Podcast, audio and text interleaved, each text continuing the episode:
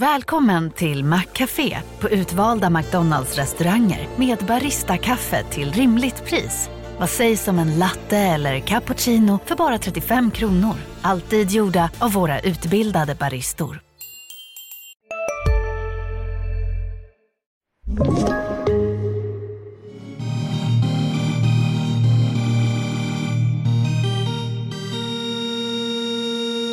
Lyssnar på Expressens podcast Hockeypuls med mig, Adam Johansson. I veckans avsnitt.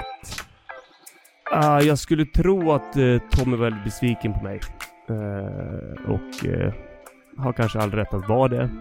Och sen så, så är det alltid en situation när någon måste ta beslut och alla beslut är inte dina och sen kan saker och ting låta annorlunda i media än vad de egentligen är.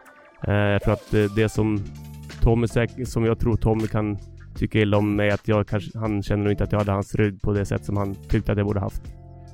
Jag menar, det är ju sån galenskap från, från presidenten som man, man vill ju bara, man skäms ju nästan ibland säga att, att man bodde där.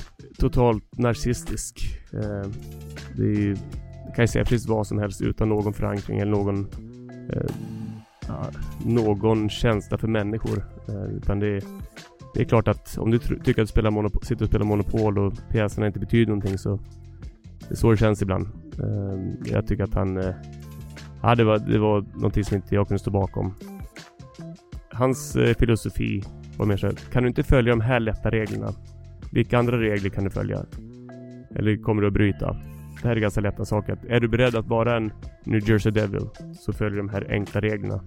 Är du inte beredd att göra det, ja då är det ingenting för oss alla är vi olika delar av karriären. Luke Chen hade det tungt. Vi hade, vi hade exposat ganska bra i slutspelet året innan.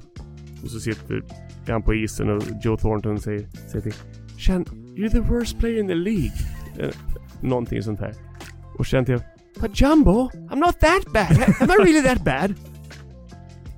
Det må låta konstigt, men trots VM-guld och OS-turneringar med Tre Kronor och över två decennier som målvakt och tränare i världens bästa liga är Johan Hedberg något av en doldis. Åtminstone för den breda hockeymassan här hemma i Sverige.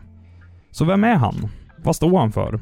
Och hur kommer det sig egentligen att han valde att lämna Nordamerika och NHL-glansen för att ta över Mora IK i Hockeyallsvenskan?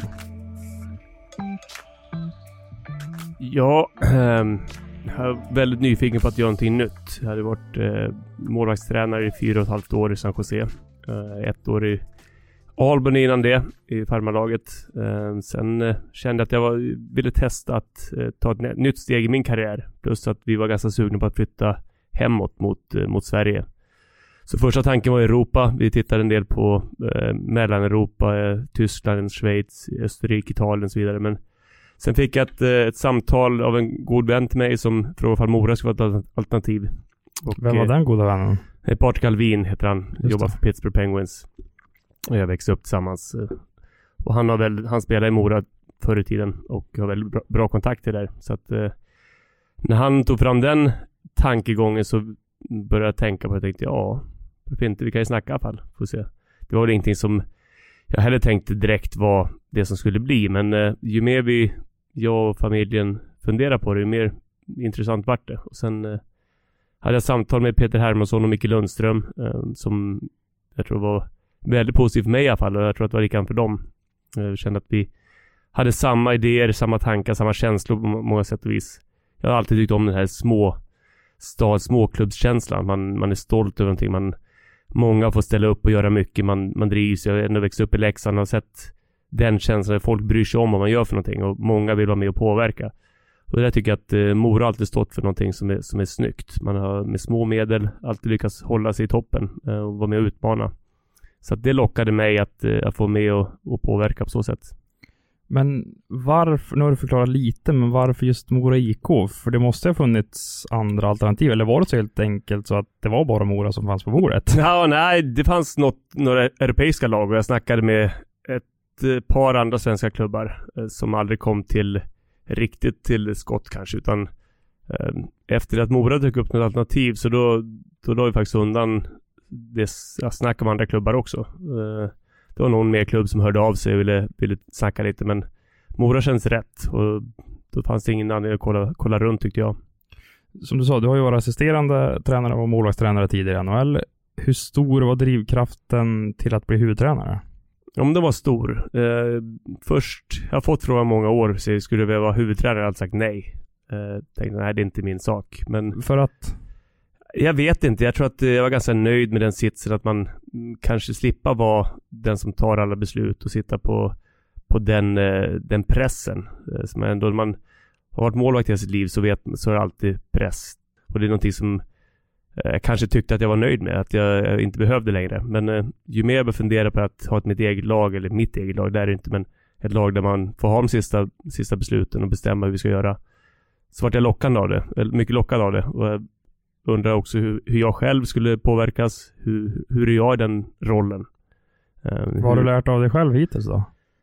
ja, eh, att jag, eh, jag blir mer engagerad än vad jag trodde.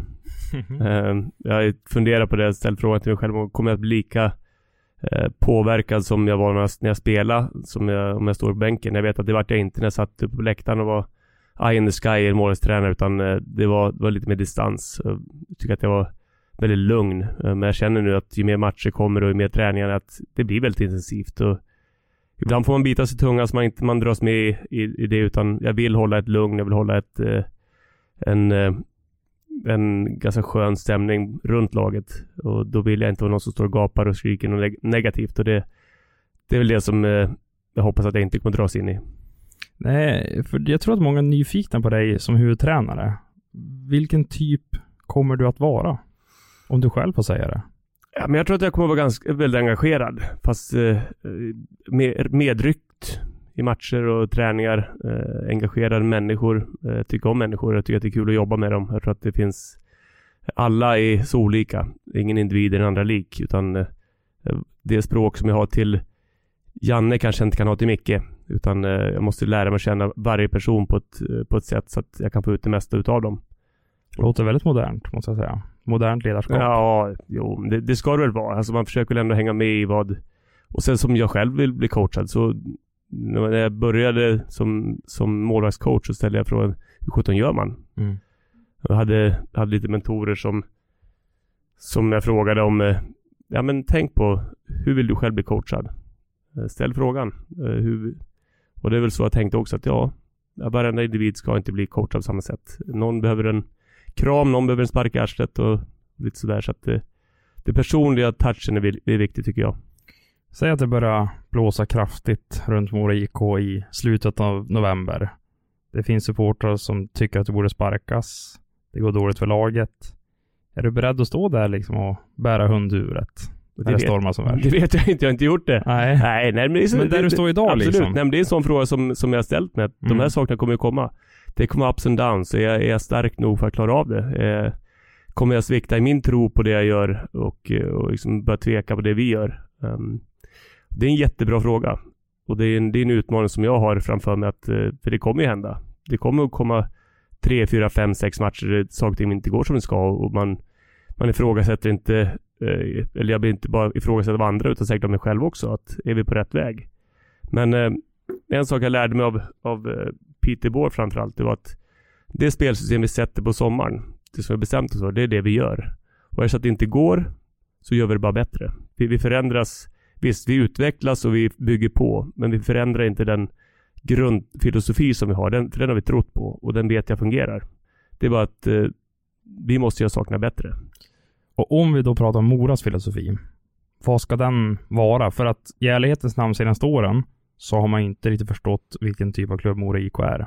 Nej, men Mora kommer vara en, en väldigt eh, enkelt spelande klubb. Vi kommer spela rakt, vi kommer spela snabbt, vi kommer spela aggressivt. Vi ska vara nära folk, vi ska vara intensiva.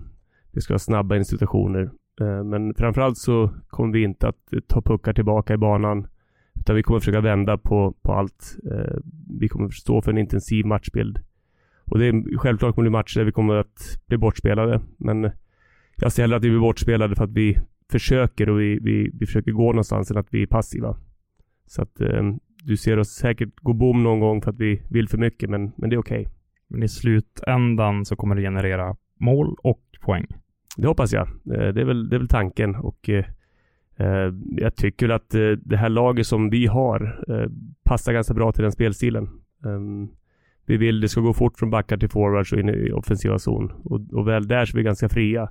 Visst, vi kommer ha en del patentlösningar vi har på vissa olika situationer, men eh, offensiv, det, det, är någonting som man måste ge killarna frihet att kunna skapa.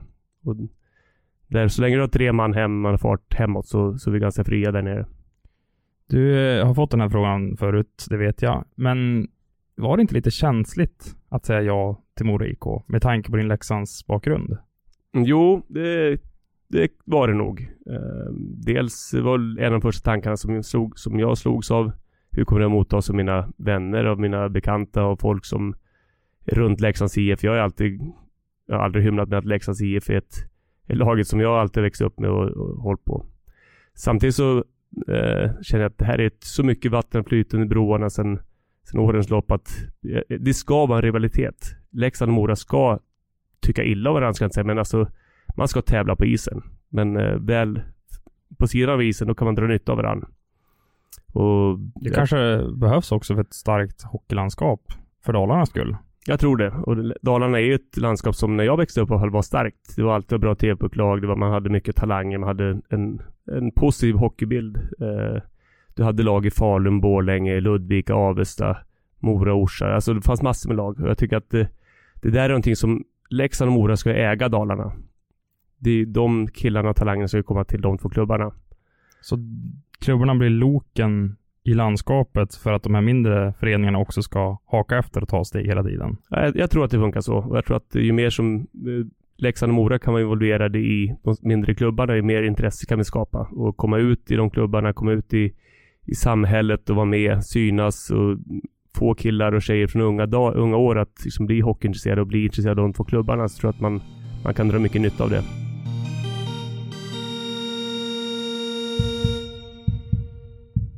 Så, mina damer och herrar, nu till det här avsnittet i podcasten som jag har börjat tycka om väldigt mycket, nämligen Maxpuls. Eh, är det första gången ni lyssnar på min podd, då är det så att jag kommer att ha några snabba frågor som kräver snabba svar från min gäst och sen så är det eh, fördomar, presumtiva frågor eller påståenden, ni får välja själv vad ni väljer att kalla det, som jag kommer att utsätta min gäst för.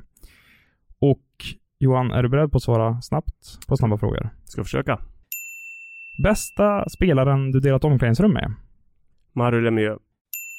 Bästa tränaren i Hockeysverige?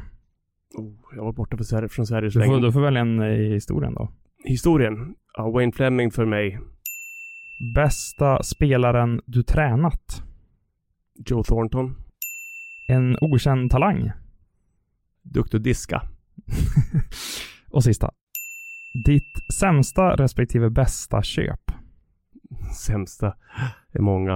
Eh, ja, jag har säkerligen tio stycken olika trådlösa hörlurar som jag har testat sista åren. Eh, det är många av dem dåliga. Mitt bästa köp är nog eh, de fastigheter vi har i, i Dalarna. Och nu så ska jag skicka iväg fördomar mot dig. Så okay. får du säga, ja det där stämmer absolut. Eller dementera. Eller säga att kanske finns en halv sanning i det. Okej. Okay. När du blir sentimental och börjar tänka på din målvaktskarriär, händer att du letar upp någon gammal plock, för den till din näsa och drar in ett djupt andetag? Nej. Du brukar liksom, det känns som att du är en nostalgisk person.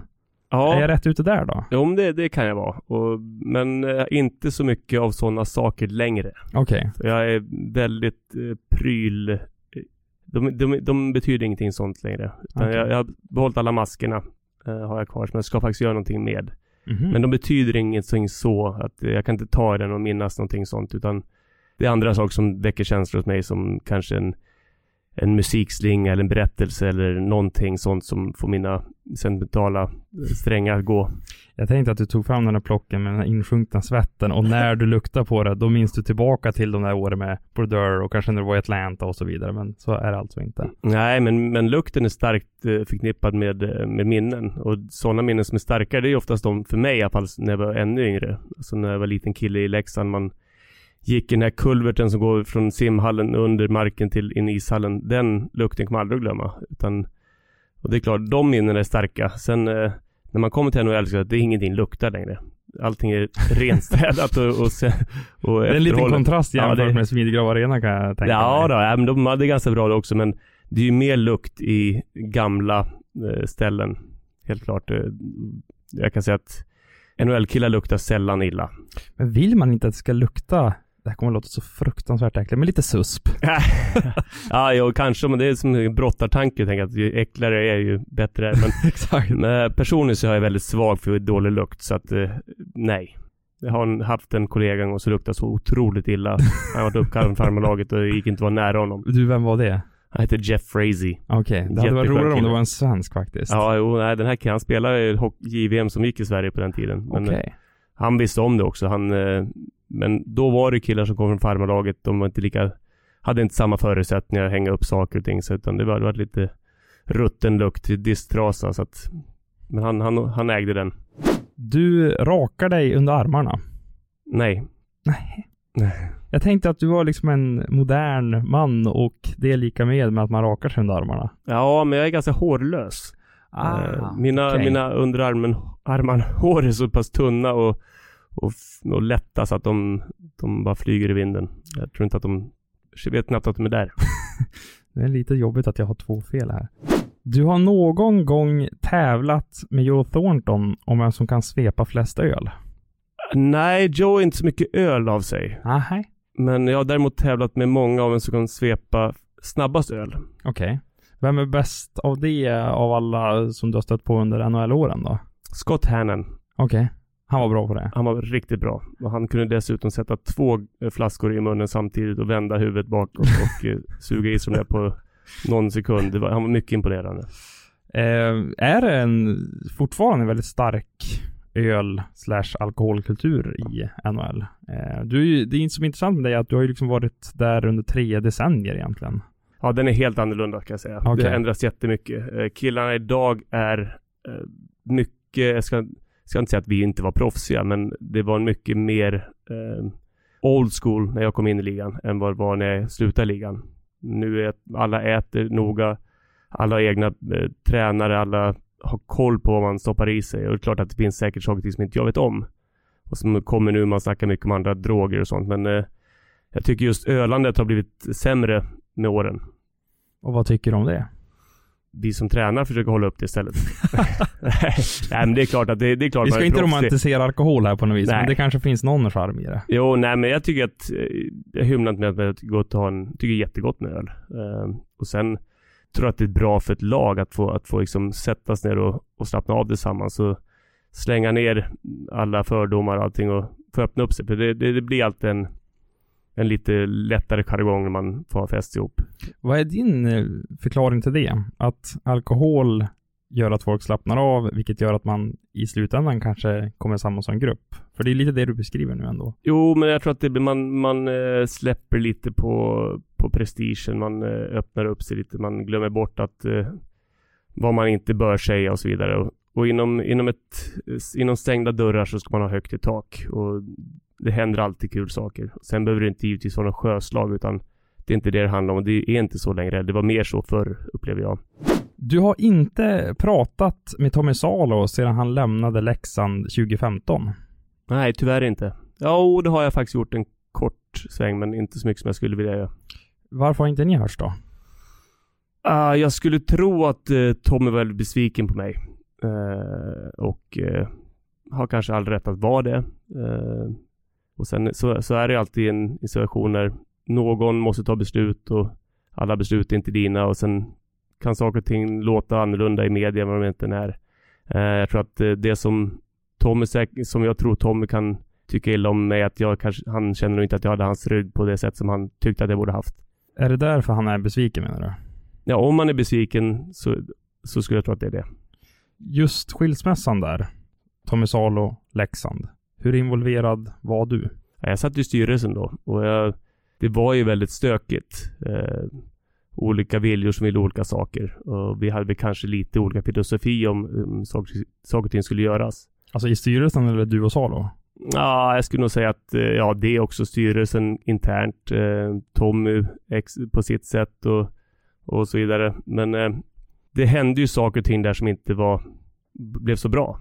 Och han tog ett beslut att hoppa av och han eh, kom tillbaka och sen hoppade han av igen och hade han hade förväntat sig att kanske att jag skulle stått upp bakom hans, eh, hans beslut mer. Men eh, jag kände att eh, jag hade några andra tankar också. Jag tyckte att eh, saker och ting kunde göras på andra sätt. Men, men så är det alltid. Jag menar, vi har alla, alla olika åsikter och det är väl det är synd. Eh, Tom och jag har ju känt varandra sedan ja, vi var 20. Mm. Spelat landslag och mm. sådär ihop och, och sånt. Så det är klart att eh, jag skulle önska att vi kunde prata och jag är ingen jag är absolut ingen... Eh, det är inga hard feelings från ditt håll eller? herregud. Ja. Och sen är jag väldigt kortsint. Jag är oftast... Eh, jag är arg på kvällen så jag glömt bort på morgonen. Vad hade du kunnat gjort annorlunda då? För du säger att du, om Tom är besviken så är det för att du inte höll honom bakom ryggen. Satte du in en dolk i ryggen på honom? Är det det du menar eller? Nej, det tycker jag inte att jag gjorde. Men eh, Tommy ville att jag skulle vara ta hand om allting yttre så han fick göra sitt jobb utan påverkan från, från eh, andra människor. Och vad innebär det? Alltså för de ja, som vi, kan... vi, vi, hade eh, vi hade en eh, ordförande, eller en VD, Kjell Kruse, mm. som eh, hade ekonomin och är väldigt duktig på ekonomi. Och som hade en idé och en, en tanke. Och eh, Tommy hade sin idé och sin tanke på hur han ville forma och spendera pengar och så vidare. Och jag hade en annan tanke som var kanske lite mer långsiktig, lite mer lugn och ro. Men eh, och där borde, det som gick fel tycker jag, Eh, kommunikation som vanligt. Vi borde allihopa suttit ner. Nu satt jag inte på plats, så det, det var ju synd.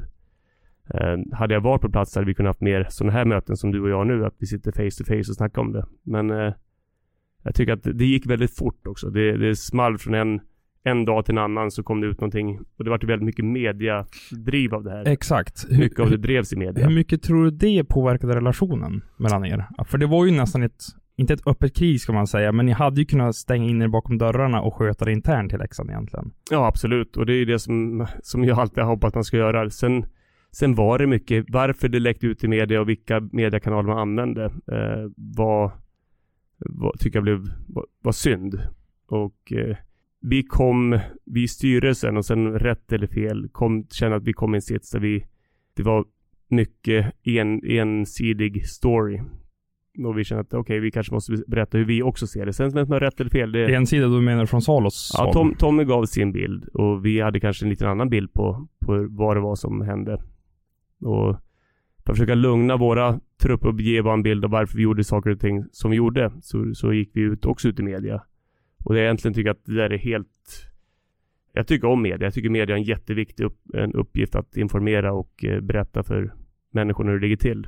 Men eh, om det är bara en part som, som pratar och den andra sitter tyst, så då, då kan det bli lite skevt ibland. Så att eh, vi valde också att gå ut i media. Jag fick göra en intervju och beskriva hur vi såg på saken. Så att eh, där vart ju en, vart ju en tråkig avslutning på allting.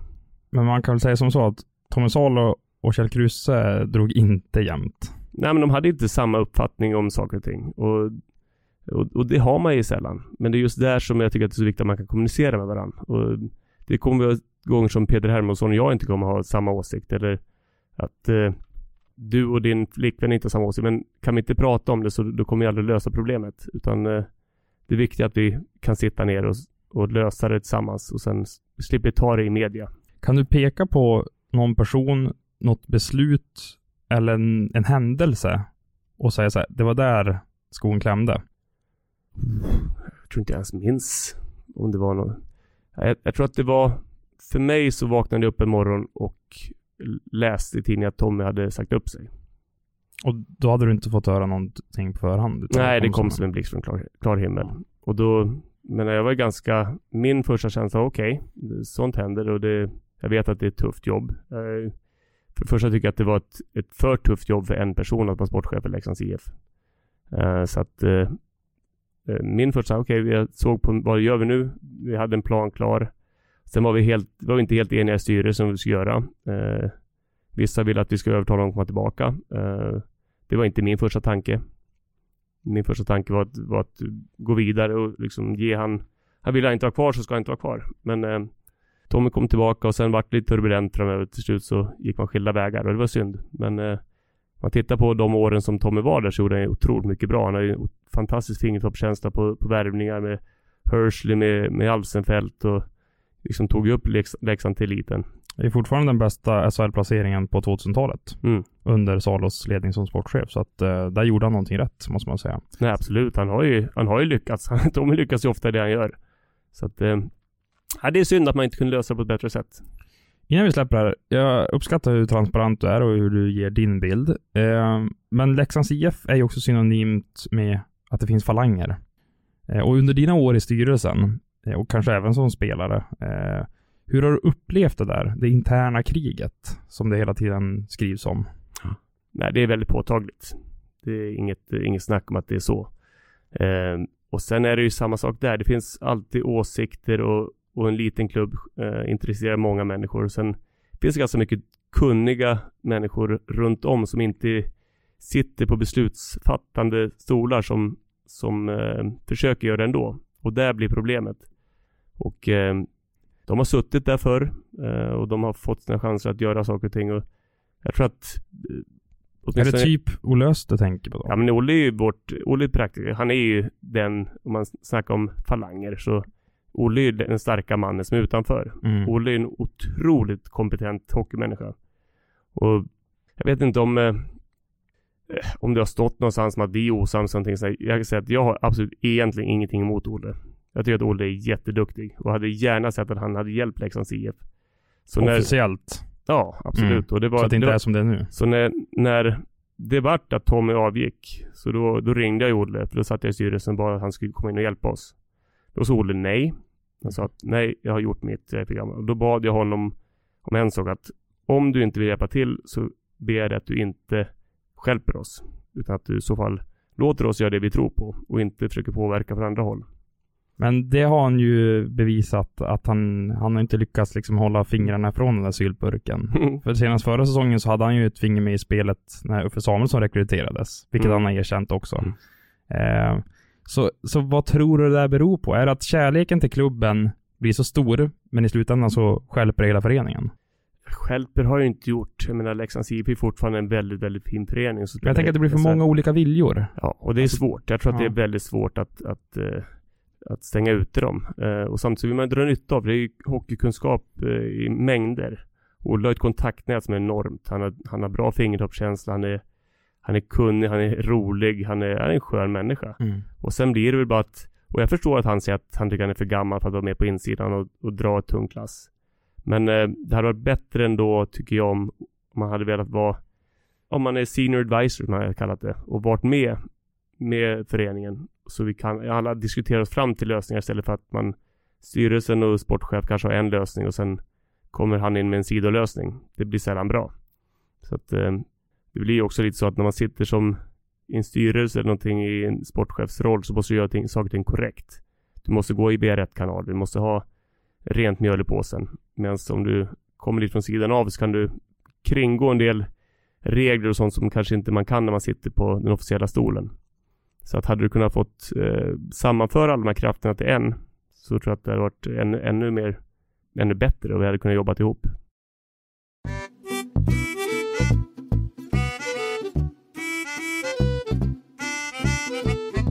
Ja, då ska Johan Hedberg inleda, eller jag ska inleda Johan Hedbergs faktaruta. Eh, Och så här, du har ju en målvaktskarriär som sträcker sig men från 90-tal, över 00 och en bit in på 10-talet. Så det kommer vara ganska spelarbetonat i den här faktarutan. Men sen väver jag kanske in någon tränarfråga också. Okej. Känns det okej? Absolut.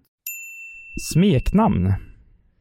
Ja, de har ganska många genom åren. Eh, vi säger som det som vart eh, i USA, Moose vart ju.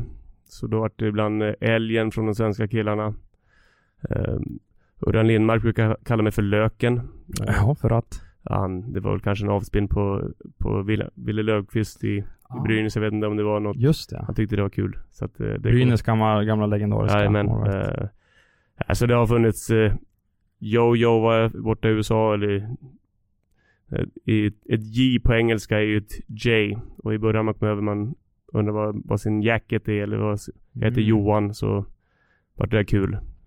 Men, men du, det här med The Moose. Mhm. Eh, jag trodde först att ja, men, han är från Sverige och därför fick han det smeknamnet när han kom över till Nordamerika. Men jag har förstått det som att det började i Manitoba Moose som du spelade för Och att det kom till efter en trade, eller? Nej, det kom till så att jag spelade för Manitoba. Jag var, tillhörde San Jose och var tradad till Pittsburgh medan jag var utlånad till Manitoba. Då var det, var det 11 eller 13 matcher kvar av säsongen och eh, jag kom dit med, hade en blå mask med, med loggan för Manitoba Moose målad på sig av David Gunnarsson. Och sen gick det, det fanns ingen tid riktigt att byta, att få upp mål. Det gick inte lika snabbt då som det gör idag. Eh, utan jag spelade de här första matcherna med den där masken och David målade mask samtidigt, men det gick ganska bra. Eh, samt kom min nya mask på skickat och så sa materialen att nej, jag tror att du ska behålla den blå. Jag tycker att det är, det är lite, fått en liten aura på den. Så att eh, jag tror att första matchen hemma mot Washington i slutspelet, vi vann 3-0 och halvvägs in i matchen så började folk bua så fort jag rörde pucken. Vad sjutton, vad gör jag för fel? Alltså, det är en sak om jag släpper in mål, men fort jag rörde pucken så det bu, hörde jag. Men till slut så insåg jag att det var moose. Mm. Så att därav kom det.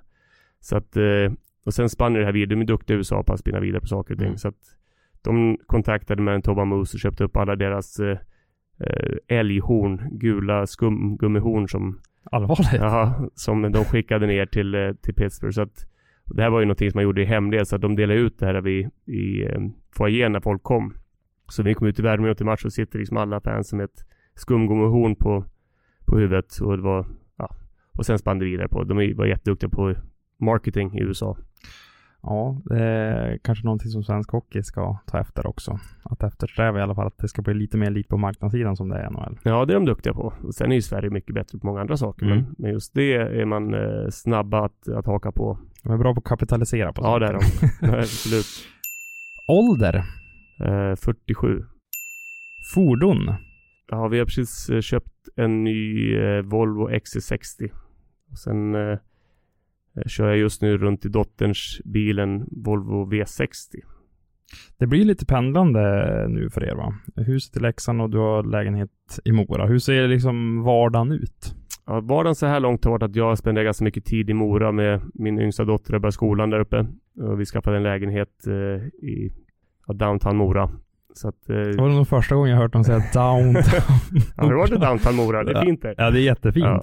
Nej, men eh, så att eh, för att få henne akklimatiserad plus att det var ganska långa dagar så har jag spenderat kanske fem nätter i veckan i Mora. Sen nu har hon börjat undra varför jag är där. Och det förstår jag. Hon är 16 år gammal och ganska fri, självgående så att hon, hon tycker att jag ska åka hem till huset mer i Leksand.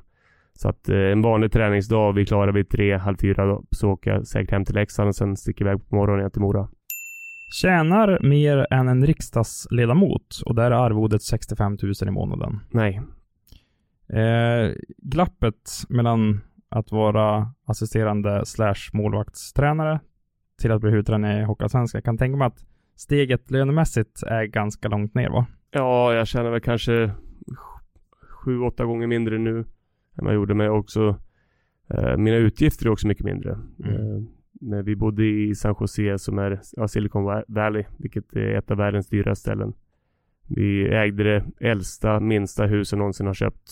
Som kostade ja, tre gånger så mycket som det näst dyraste huset någonsin haft. Ja, så att, eh, pengarna går fort där borta. Och, så att, eh, hade det inte varit lätt att så här, men leva kvar där? För jag tänker att många nog kanske tittade på er och kände vilket drömliv de har. Mm, jo, men det var jättefint. Vi har haft, vi har haft jättebra år där. Men samtidigt så kom man till en... Vi ville också ge våra barn en chans att få testa Sverige innan det var för sent. Eh, mellan tjejen, äldsta tjejen har flyttat hem sedan länge. Hon flyttade hem när vi flyttade från Atlanta 2012 till New Jersey. Eller resten av familjen flyttade dit. Eh, sen hade vi en mellantjej, Vilma, kvar och Bia. Har du också valt att bli egen? Då är det viktigt att skaffa en bra företagsförsäkring. Hos oss är alla småföretag stora och inga frågor för små. Swedeas företagsförsäkring är anpassad för mindre företag och täcker även sånt som din hemförsäkring inte täcker. Gå in på swedea.se företag och jämför själv. Hej, Synoptik här. Hos oss får du hjälp med att ta hand om din ögonhälsa. Med vår synundersökning kan vi upptäcka både synförändringar och tecken på vanliga ögonsjukdomar. Boka tid på synoptik.se. Alltså bodde hemma. Och eh, det var liksom en bra brytpunkt att ge det en chans. Att nu får ni testa Sverige. Så att ni inte tycker om det, ja men då åker vi tillbaka. Eller ni åker tillbaka, ni är stora nog att välja själv. Så att, eh, sen har jag kanske alltid haft en liten, sista åren i alla fall, lite hemlängtan. Eh, så att, eh, och ska man vara helt ärlig så tycker jag inte att det, det sociala klimatet i USA just nu är speciellt lockande. Nej, hur följer du allt som händer där med Black Lives Matter och en coronapandemi som verkligen har tagit, men, satt sina klor i hela landet? Mm. Eh, efter att ha bott där så många år, hur är det att följa det här ifrån Sverige? Ja, det är lite skrämmande, lite, lite tråkigt, väldigt tråkigt. Men för mig är det här, coronapandemin är ju som den är överallt och sen hur man hanterar men det är ju, det är ju toppen det är fel på. Jag menar, det är ju som galenskap från, från presidenten som man, man vill ju bara, man skäms ju nästan ibland säga att, att man bodde där. Är det så? Ja, ja för mig är det vad är det, vad är det med hans ledarskap som du inte känner är ditt ledarskap? Nej men var totalt, eh, totalt narcissistisk. Eh, det ju, det kan ju säga precis vad som helst utan någon förankring eller någon eh, någon känsla för människor. Eh, utan det, det är klart att om du tycker att du spelar monopol, sitter och spelar Monopol och pjäserna inte betyder någonting så det är så det känns ibland. Eh, jag tycker att han eh, Ja, det var, det var någonting som inte jag kunde stå bakom. Och inte någon av oss. Eller någon av våra vänner heller. Har det märkts på landet att det skett en förändring sedan 2016 när Donald Trump blev president? Det tycker jag. Hur då? Jag tycker att klimatet är hårdare. Jag tycker att man gick från en, en människa som president som folk kunde, i alla fall människor så som jag trivs att vara med. Folk som bryr sig om andra människor, som anser att folk, människor har ett värde. Eh, från Barack Obama som var en otroligt eh, genuin människa till att eh, gå till den totala motsatsen, till en, en narcissistisk person som eh, att jämföra med, med diktatorer i andra, resten av världen som Nordkorea och, och, och Ryssland för den delen. Du tycker att det är så pass illa? Jag tycker att i ledarskapet, ja. Mm. Det låter inte som att du är republikan direkt, utan du är en, du är demokrat om du skulle ha röstat i USA. Jag har nog alltid varit republikan i, i filosofiskt sett i hela mitt liv. Alltså, hade man frågat mig vad, vad jag röstat, jag har nog röstat moderatiskt i, i alla mina val i Sverige. Eh, röstat blått. Där borta så blir det mer att det är lite svårt. Jag tycker det är svårt för eh, mycket av den, den eh, säg, kristna högern. Eh, jag tycker att det är väldigt läskiga saker som pågår. Och sen tycker jag bara att det är bättre människor på de som har jag tror att hela USA skriker efter en mittenkandidat som är bara normal. Mm. Alltså någonting som inte är så extremt som, som det har varit nu så hur synd det är att säga så USA har inte haft en kvinna och det är inte Sverige heller i och för sig. Men... Eh, Alla skandinaviska länder har haft det, men inte vi. Ja, och det, det, det är, är konstigt. Ja. ja. det är jättekonstigt. Och sen, eh, eh, sen har man... Men de, de kandidaterna som kommer fram är alltid så kontroversiella på något sätt. Så att man önskar att det bara kom någon som folk kan, kan eh, förlikas med. Som säger, ja men det här är en sund människa. Men du, hur märkte du från din position och ert liv att det blev mer splittrat? Att det blev, ja men som vi har sett nu, det är ju mer upplopp. Det är ju på gränsen till inbördeskrig, eh, alltså när man läser nyheterna därifrån. Hur märkte du av det i ert liv? Vi ska inte säga att vi, vi märkte av det på slutet när vi kommer upp och just den här Black Life Matters-rörelsen kommer, när våran last, vi har ändå varit privilegierade. Vi är precis den, den, det folk, jag är precis den människan som är privilegierad. Mm. Jag är en medelålders vit man mm. som, har, som har det bra i livet, som har som bor i en rik förort, som har en fin bil, som har ett bra jobb. Det är mm. precis, det är jag som har egentligen allting som, som Donald Trump kan ge. Mm. Så, men ideologiskt sett så är det ju absolut inte det som jag kan stå Så vi är ganska befriade. Men vi har ju bott i ett jättebra område. Livet är lugnt och sansat. Eh, poliskåren är stark. Men just när det här kom så då var det ju, var det ju mycket hot om att nu ska vi komma och ta, slå ner den, visa de här fina städerna eller townsen vad, vad som finns här ute. Och det var, man bordade upp hela, hela staden med, med, eh, ja, med skylt, vad säger det? Boards för fönstren ja. och så vidare. Ibland alltså vallar typ eller? Nej, Nej, men alltså man satte ju upp för fönstren och skyddade mot kravaller och, och det var ju tragiskt. Alltså den här lilla stan som vi bodde i, Los Gatos, är ett jättevackert litet ställe. Pittoreskt, inte helt olikt eh, Leksand, Mora eller Trosar för den delen. Mm. Men, eh, och så kommer det liksom det här in. Och för mig är det någonting som äggas på. Jag tycker att det när, när den högsta politiker står och säger att det är i stort sett att det är okej. Okay. Mm. Att man skickar in National Guard och man, man säger att inte tar avstånd från att eh, polisvåldet och inte tar kampen för de svaga. Då, då tror jag att man är väldigt, väldigt illa ute. När var det här det hände att er lilla pittoreska stad som du beskriver, eh, att det var sånt här som sattes upp? Ja, det kom ju nu i eh, slutet av maj, början av juni, precis när vi åkte hem. Eh, och det var ju det med, med sen hade du hela pandemin. Eh, nu var det bränderna. Eh, en olycka kommer sällan ensamt. Men eh, eh det var väl, då kände vi så att nej, det är ganska bra att vi försöker ta oss hem nu, om vi nu kan ta oss hem. Så att eh, det var väl de Sen har det ju hänt mycket saker under varit där som är, annorlunda, som är stora katastrof med 9-11 och sådana saker. Så att, som har skakat om en. Men eh, just nu kändes det som att nej, det här är inget bra. Din favoritplats? Ja, jag skulle säga att det är nog vår sommarstuga vid, vid Siljan. Vackra Siljan. Tycker du att södra eller norra delen är bäst?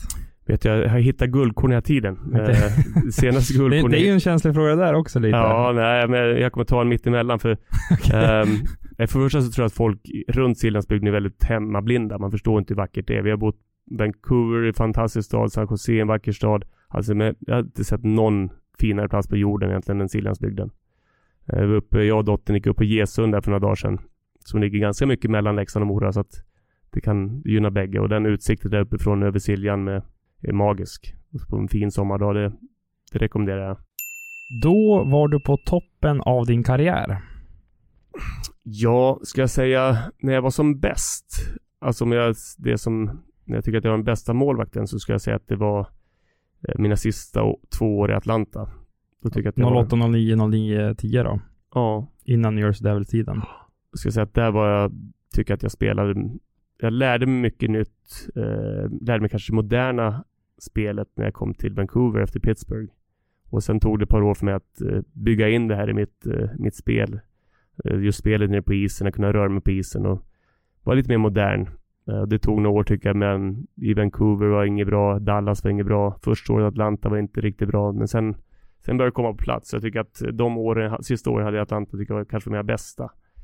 Sen säger man karriärsmässigt sett så måste jag kanske säga att de, mina, mina första två år i Pittsburgh var kanske de, de mest minnesvärda. Jag fick spela mycket, vi gick långt till slutspel det första året. Eh, andra året missade vi, men personligen så gick det, kändes det bra.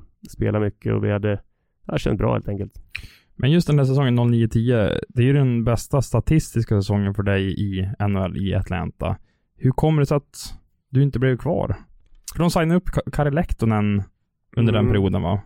Och sen var det väl vikt för dig den andra platsen, eller? Ja, det var, det var så jag hade trott också. Okay. Nej, men vi, det var ett byte av general manager. Don Waddell som var general manager när jag var där fick eh, vart eh, promoted, som man säger, eller demoted, mm. till president. Och eh, Rick Dudley kom in. Rick Dudley var min första GM när jag kom till Detroit Vipers eh, för länge, länge sedan. Alltså slutet um, av 90-talet då? Ja, 97, mm. 98 exakt. Uh, och Rick hade väl jag vet inte riktigt om han skötte förhandlingar men jag fick ett, eh, ett vad jag tyckte ett skambud faktiskt. Jag tycker jag har gjort två bra säsonger i Atlanta.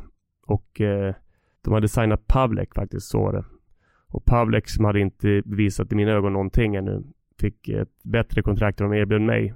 Vilket jag tyckte kändes helt fel. Men det här har ju nu blivit den nya normen att nu, nu betalar du på potential istället för Ja, han var yngre än dig och ja. inte lika rutinerad. Nej, han, han hade ju sämre in... värden också, alltså man ser statistiskt. Ja, han var en coming man, men han mm. har ju knappt spelat NHL egentligen. Mm. Men, eh, och då vart jag faktiskt lite förnärmad. Jag tyckte att det var fel. Det eh, kanske är lite principfast i vissa saker.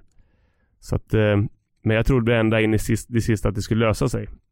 Vi hade, jag hade en bra kontakt med, med alla runt om där, så att vi åkte hem till till Leksand och vi satt, jag satt där första juli kommer, som har varit en ganska intressant dag många gånger för mig. Och eh, snackade med agenten och det var närmast klockan sex, vilket klockan tolv i New York-tiden som det öppnar. Och väntar fortfarande på att Atlanta ska säga någonting och sen börjar följa liksom eh, TSN och se att det helt plötsligt tickar förbi att, eh, att Atlanta har signat eh, Chris Mason. Jag tänkte, sjutton det var ju det var ju min plats. Ja. och då, det är att eh, vara målvakt på första juli så att spela musical chairs. Du, okay. du får, de har en lista mm. och sen går de ut till den första de vill ha. Säger han nej, går de till tvåan. Säger han ja, då är den borta. Och så att eh, du får passa dig om du, du säger nej. Alltså vilken tuff värld. Jag menar, det kan väl inte ha varit så många klubbar kvar att signa för då? Alltså måste, de flesta måste ha satt sina målvaktsposter. Ja, det hade de. Eh, de hade andra år har jag haft ett par, tre olika bud som jag kunnat ta ställning till. Just här tänkte jag, jag sitter utan jobb. Mm. Det gick liksom tiden eh, och jag kunde inte, jag tror inte det var sant. Jag hade ju, allting var liksom satt i Atlanta. Men eh, då säger min agent att, ja men jag har nog eh, New Jersey på, på kroken så att säga. Antagligen hade han någon annan klient som de ville ha. Och kastade väl in mig som ett, som att ska ni ha han då får ni ta den här också. Just det. Börjar med. Ja, paketpris. Nej men så att, eh, så då vart det så att eh, jag signade med, med New Jersey. Och eh, det var ju fantastiskt kul givetvis. Mm. Så att, jag har alltid haft ett Var du lite svettig i handflatan när du hälsade på Martin Brodeur? Nej, inte på han, men Lula Morello däremot. Jaså? Ja, där har du, där har du mannen som... Det är auktoritärt Det är där och en pondus kan jag tänka mig. Och när du talar med Lou, då, då sitter du rak i ryggen. Men det där är, alltså han vann ju pris som årets general manager nu med Island, Islanders. Eh, han har ju, alltså vad är han, 77, 78? Ja. Eh, att hans stil fortfarande fungerar i NHL. Mm. Eh, till exempel så ska det vara kort hår, Mm. inget skägg. Det Mm. finns sådana principer som man inte alls ser i dagens hockey och framförallt inte i Sverige där det ehm, är på väldigt liksom öppet och flexibelt här. Det känns inte som att Lemorello har den stilen riktigt. Och vad är det då som gör att han ändå kan vara framgångsrik? Ja, alltså det är ju väl, man snackar ofta med Lou, de som inte vet, säger att det ja men New Jersey, det är strikt, man får inte, precis som du säger, inget skägg, inget kort hår och så vidare. Men Lou hade väldigt få regler Mhm. egentligen. Det- En regel var att du måste vara, vara nyklippt, eller välklippt, och du får inte ha skägg. Och du måste vara i tid, och du måste vara förberedd. Ganska enkla regler att följa. Hans eh, filosofi var mer så här, kan du inte följa de här lätta reglerna, vilka andra regler kan du följa? Eller kommer du att bryta? Det här är ganska lätta saker. Är du beredd att vara en New Jersey Devil, så följer de här enkla reglerna. Är du inte beredd att göra det, ja då är det ingenting för oss. Så egentligen handlar det inte om att han gillar kortklippt hår utan det blir en mer filosofisk fråga. Ja, Och en kanske ett test på karaktär. ja. Gillar du det? Jag tyckte det var jättekul att få vara en del av det eh, och få leva och se. Men alla som jobbar under Lou har en otrolig respekt för honom och gör det som han vill. Men det är också helt rätt. Alltså, det finns inte en penal som ligger fel. När jag öppnade dörren till omklädningsrummet så var det som att man vart rak i ryggen på en gång. Det var snyggt. Jag tyckte det var helt fantastiskt bra. Um, Skällde han ut folk? nej, Hur gjorde han Ja. för att få den här respekten? han var sig själv. Okej. Ja, all, han behövde inte skälla ut folk. Jag menar, reglerna var ju satta. Eh, kunde back, och var ju aldrig rädd för att ta en, en obekväm situation. Och ju- jag tror att all, alla som spelar för Lou, om de någonsin kommer i problem och säger att du har ett samtal att ringa, så tror jag att 99% skulle säga att jag vill ringa Lou. Mhm. Jag vill ringa min livlina. Ja, men så, så mycket betyder han eh, för de som har jobbat med honom. Som jag känner och som, som jag känner själv att eh, otrolig, otrolig respekt på honom och tycker väldigt mycket om människan. Är han av den gamla skolan, vilket gör att han är en ut, ett utdöende släkte, eller tror du att den här typen även skulle kunna fungera i, idag om man ser på yngre ledare? Att fler kanske skulle kunna vara som Lou Lamoriello och bli framgångsrika? Ja, det är, det är en fråga. För jag menar, han är ett unikum Ja, han är det. ändå. Men antingen så får man se som, som jag ser att vi egentligen, vi, vi driver inte världen längre. Det, jag är för gammal. Eh, jag är 47 år gammal och är fortfarande ute. Det är inte jag som bestämmer. Och antingen så försöker man molda de här unga killarna in i den världen som jag är van vid, som Lou har lyckats göra. Att få folk att bli så som de var på hela hans tid. Eller också får man anpassa sig lite, vara lite mer flexibel och se att eh, så här funkar världen idag. Man måste vara kanske lite mer modern ledare. Lou var en modern ledare också, fast på andra saker. Han, han var ju, eh, han bryr sig väldigt mycket om människor. Han vill förstå varför och så vidare. Men, och han är det någonting någonsin behöver så då tar han hand om det. Men han förväntar sig också att det är, det är laget först. Det, och det, där är det väldigt mycket att det spelar ingen roll vem som gör målen. Det är mycket också därför han inte har någon med långt hår eller någon som ska sticka ut mer än de andra eller ha höga nummer. Eh, Utan det är laget som vinner. Det är inte nummer 91 eller 99 eller 117 som eller han med långt hår. Islanders är lite honom personifierat nästan. Mm, ja, men det, det, har- de har gjort det och de, sen har du Barry Trotz som coach som är ju eh, en bra Lou Lamorello coach, han är väldigt defensivt stark. Mm. Eh, Lou tycker inte om att släppa in mål. Vem är den bästa coachen i NHL? Ja, Trots är ju kanske den bästa defensiva coachen ska jag säga. De, eh, det är ju tittar på deras målvakter är oftast bra och det en, finns en anledning till det. När man, har man den supporten runt om så, så är det lättare att ha målvakt. Eh, jag tycker att Peter Bohr är fantastisk. Jag tycker att han eh, eh, han är väldigt tydlig, duktig, alltså duktig att förmedla sitt budskap enkelt. Lite diplomatiskt svar måste jag säga också med tanke på att han var ju din chef. ja, nej exakt. Ja, men, eh, vi har haft våra dispyter, believe me. Alltså. Oh ja, oh ja. Vad brukade de ofta handla om då? Ja, det kunde handla om... Ja, vi tar inte ens upp det här, men okay. det, kan, det kunde handla om... Eh, vi bodde ihop också i två år, han och jag och ja, Steve Spart, så att vi gick varandra på nerverna då och då. Måste vara påfrestande. Sen alltså, jobba hela tiden och sen komma hem till samma person eller? Ja, och han är en, han är en krävande coach. Eh, och samtidigt såg jag som ett... Det som han, han var... Han var ruskigt bra på, på att vara coach. Och sen har jag att... Sen kanske frågan är... Han har ju inte vunnit. Vi har varit, han har varit i två finaler nu med, och sen har han varit i... Eh, kunde ha gått till final med Vegas och liksom faller. Det kan vara att man kanske måste vara lite mer öppen. Kanske vara eh, som jag sa tidigare också att eh, vi gör det vi gör men vi gör det bättre. Och till slut så kanske någon gör det ännu bättre. Eller har något annat sätt som stoppar dig. För du blir, efter ett tag blir man kanske lite lättläst. Och i slutspel kanske krävs någonting mer. Jag vet inte. Eller om det är bara tillfälligheter.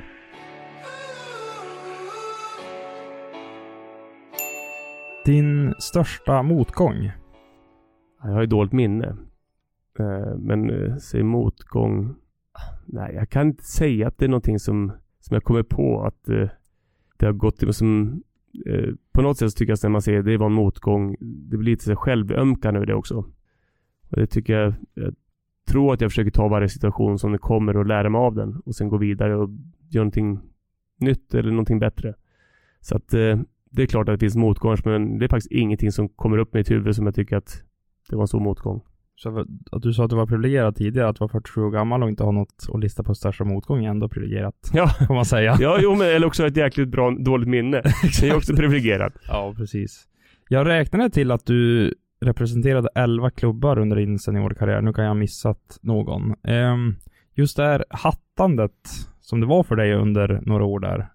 Um, hur mycket tror du att det styrde din karriär och vad du blev och vad du inte blev? Ganska mycket tror jag. Men eh, om man ser tillbaka så var jag ju en spelare som alla ville ha men ingen ville behålla. Okej. Okay. Det låter eh, inte så attraktivt på något vis, eller? Nej, nej, så kan det vara. Eller vad menas med det? Ja, jag vet inte. Jag, om jag tänker på det så är det ju så att jag fick ju alltid ett jobb men det var ingen som ville ha mig kvar sen.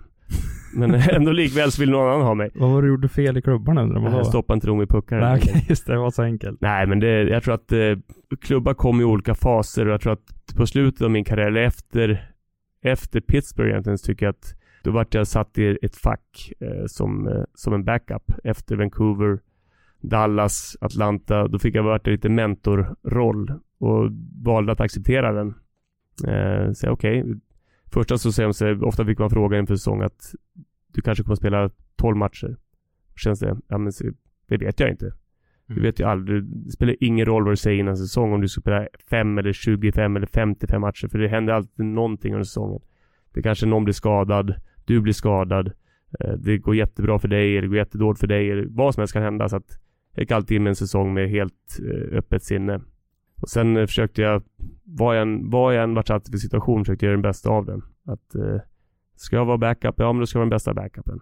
Då ska, ska jag spela, då ska jag stoppa den här puck. Eh, men jag tänker inte vara den som står och skriker och tycker att jag borde få det, jag ska ha det, utan och det kanske hade varit bra i vissa fall. Kanske varit lite mer självisk. Men samtidigt så hade jag inte spelat så jag var 40 om jag hade gjort det. Nej, skulle du säga att det är rätt att kalla dig den eviga tvåan. Om man även väver in landslaget. Jag tänker bakom Tommy Salo. Mm. Och sen kommer Sveriges kanske bästa målvakt genom tiden, Henrik Lundqvist, mm. också och tar över. Eh, att du stod bakom dem, även i landslaget, det befäster kanske bilden av dig som nummer två? Ja, kanske. Eh, jag ser nog att, då ser jag det som två, två delar av min karriär. Mm. Jag ser nog min, min tidiga karriär som att eh, där jag gjorde allt nästan beredd att gå över lik för att, för att lyckas. Eh, till att kanske mogna lite och eh, bli lite mer accepterande och inse vad, vad gör jag för att eh, hålla mig kvar? Vad gör jag för att vara, ha ett jobb? Vad gör jag för att min familj ska kunna ha ett bra liv. Hur gör jag för att eh, är det värt att driva upp det här som vi har när det funkar socialt sett för att eh, eh för en självisk, egoistisk eh, tripp igen. Utan jag tror att det var en, en mognadsprocess egentligen. Men visst, eh, säg från, eh, från det att jag kom till, efter Pittsburgh så tycker jag att du har helt rätt, ner vid tvåa Men, och även i landslaget innan det. Så det var ju, det var ju svårt. Eh, jag kunde vara med i landslaget, sen kom Tommy och han var ju, han var ju enormt bra i i svenska landslaget. Varenda gång. Så att eh, det var inte mycket att säga om. En eh, person i hockeyvärlden du inspireras av? Ja, Joe Thornton vill jag säga. Okej, okay, för att? Han är nu 40, han är 41 nu. Och att komma med samma energi, samma glädje, samma driv, samma eh, kärlek till sporten varenda dag. Det tycker jag är inspirerande. Och att jag tror jag aldrig har sett ett bättre omklädningsrum än det rummet vi kom till i San Jose vårt första år. Eh, och det var otroligt driv inifrån. Med ledare som han. Han var ju den ultimata ledaren. Joe Pavelski som var kaptenen. Då hade Logan Couture som en lite tystare ledare. Då hade eh, eh, Brent Burns som är en ledare i sitt sätt. Men alltså det var, det var Joe Thornton som ledde det här. Och det var, du kunde vara den roligaste människan enas, eh, innan matchen började. Och när matchen började så krävde han absolut allt av alla. Inklusive sig själv.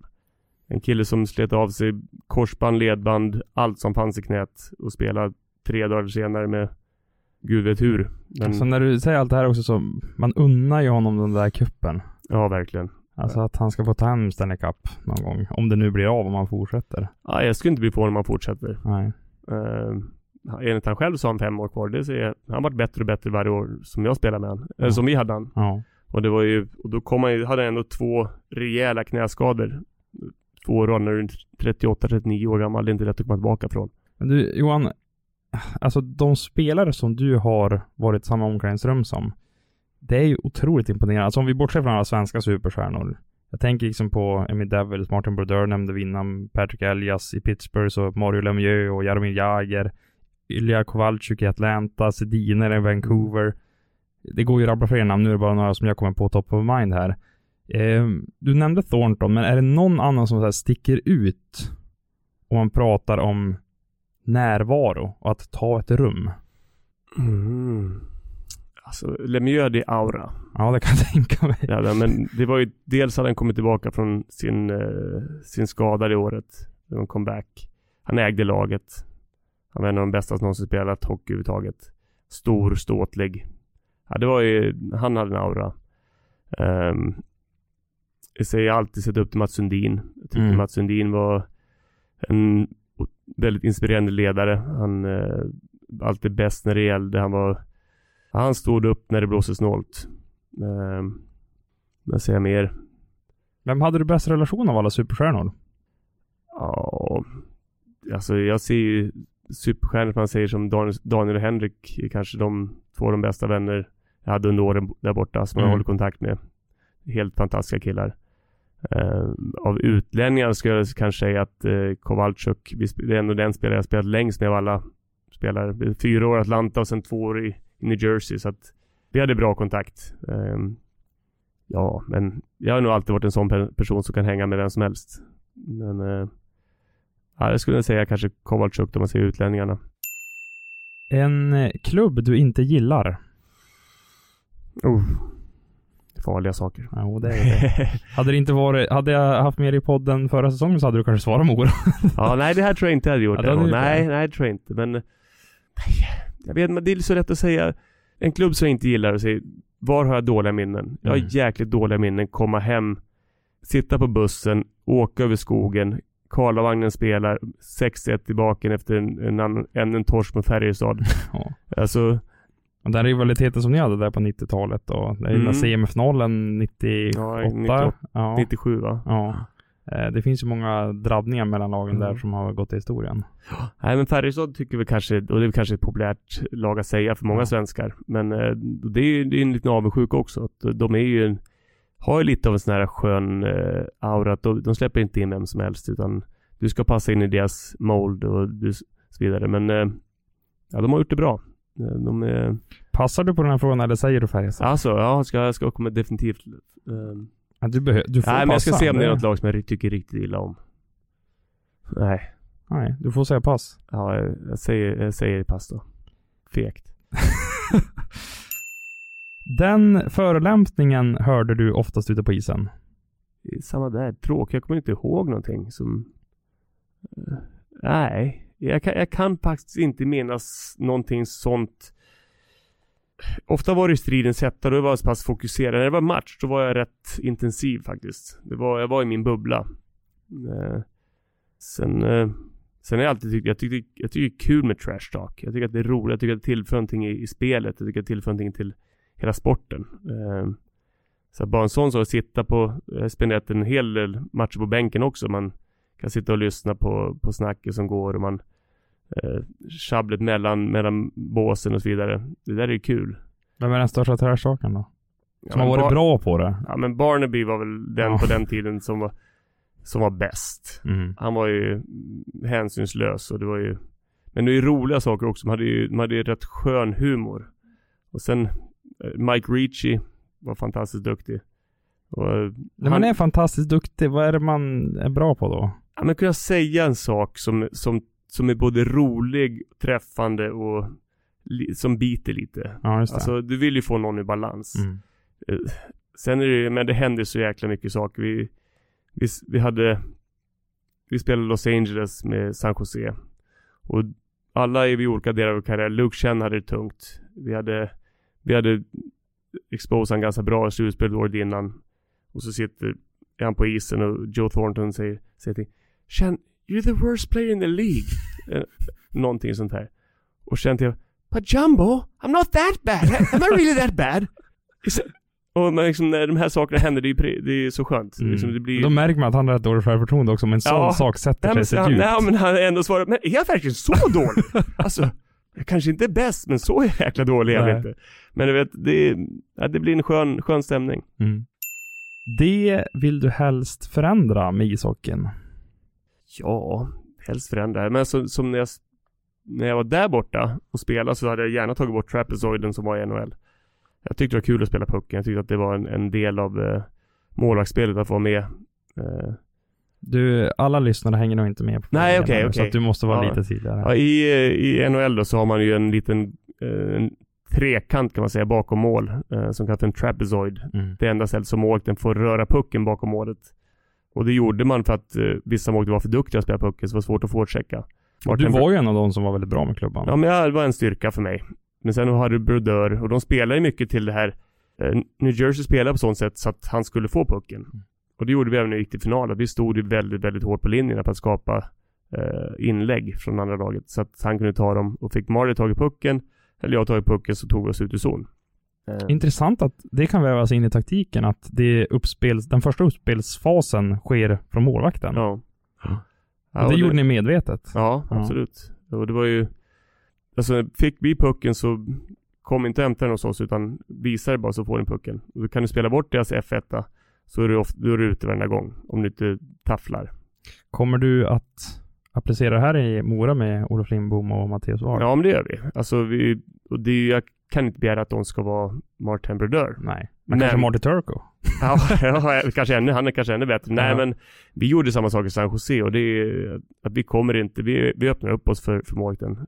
Han får, han ska klara av att lägga ett pass åt vänster eller höger, det är ingen svår sak. Utan ehm, ganska tydliga regler bara att eh, håller undan så får ni pucken. Det blir mer confusion när det kommer till målvakten. Ett lag du gärna vill träna? Mm. Det här Mora.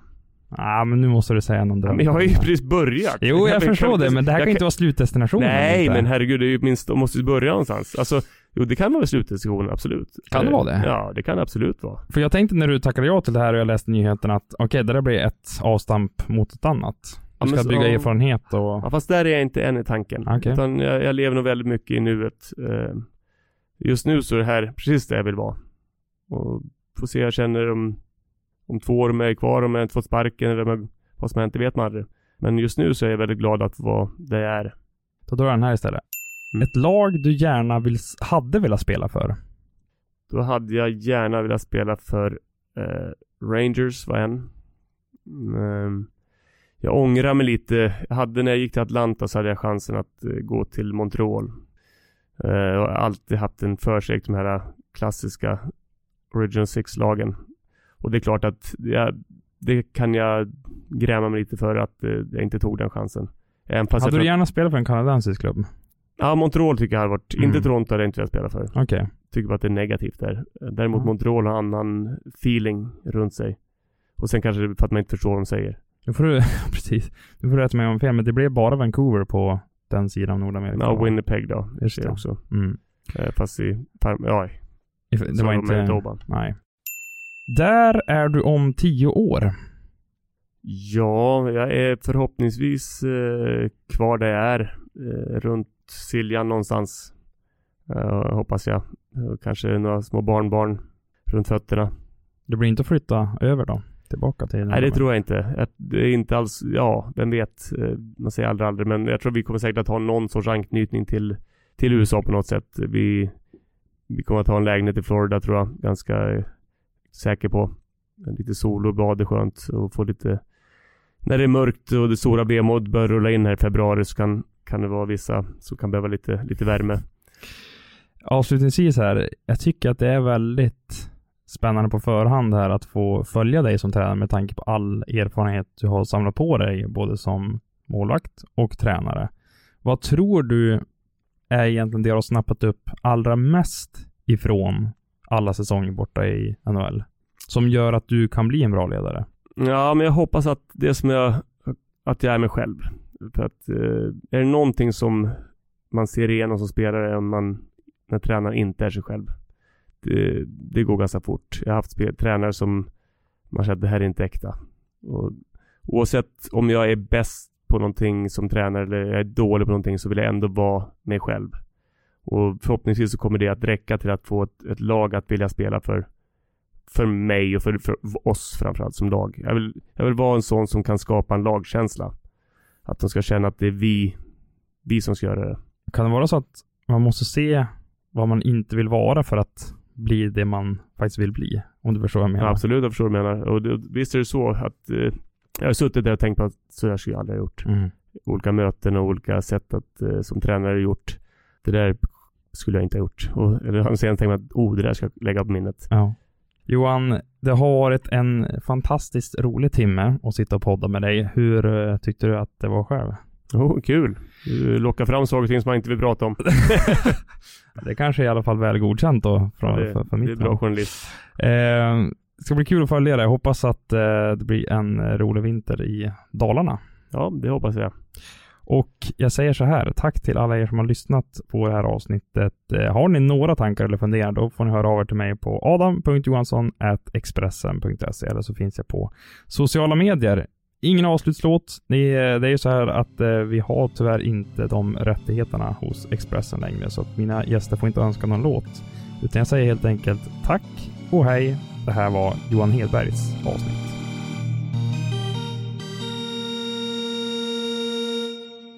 Du har lyssnat på en podcast från Expressen. Ansvarig utgivare Klas Granström.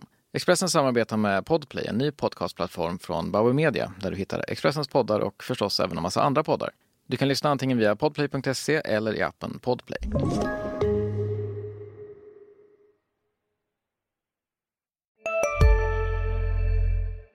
Hej, Susanne Axel här. När du gör som jag och listar dig på en av Krys vårdcentraler får du en fast läkarkontakt som kan din sjukdomshistoria.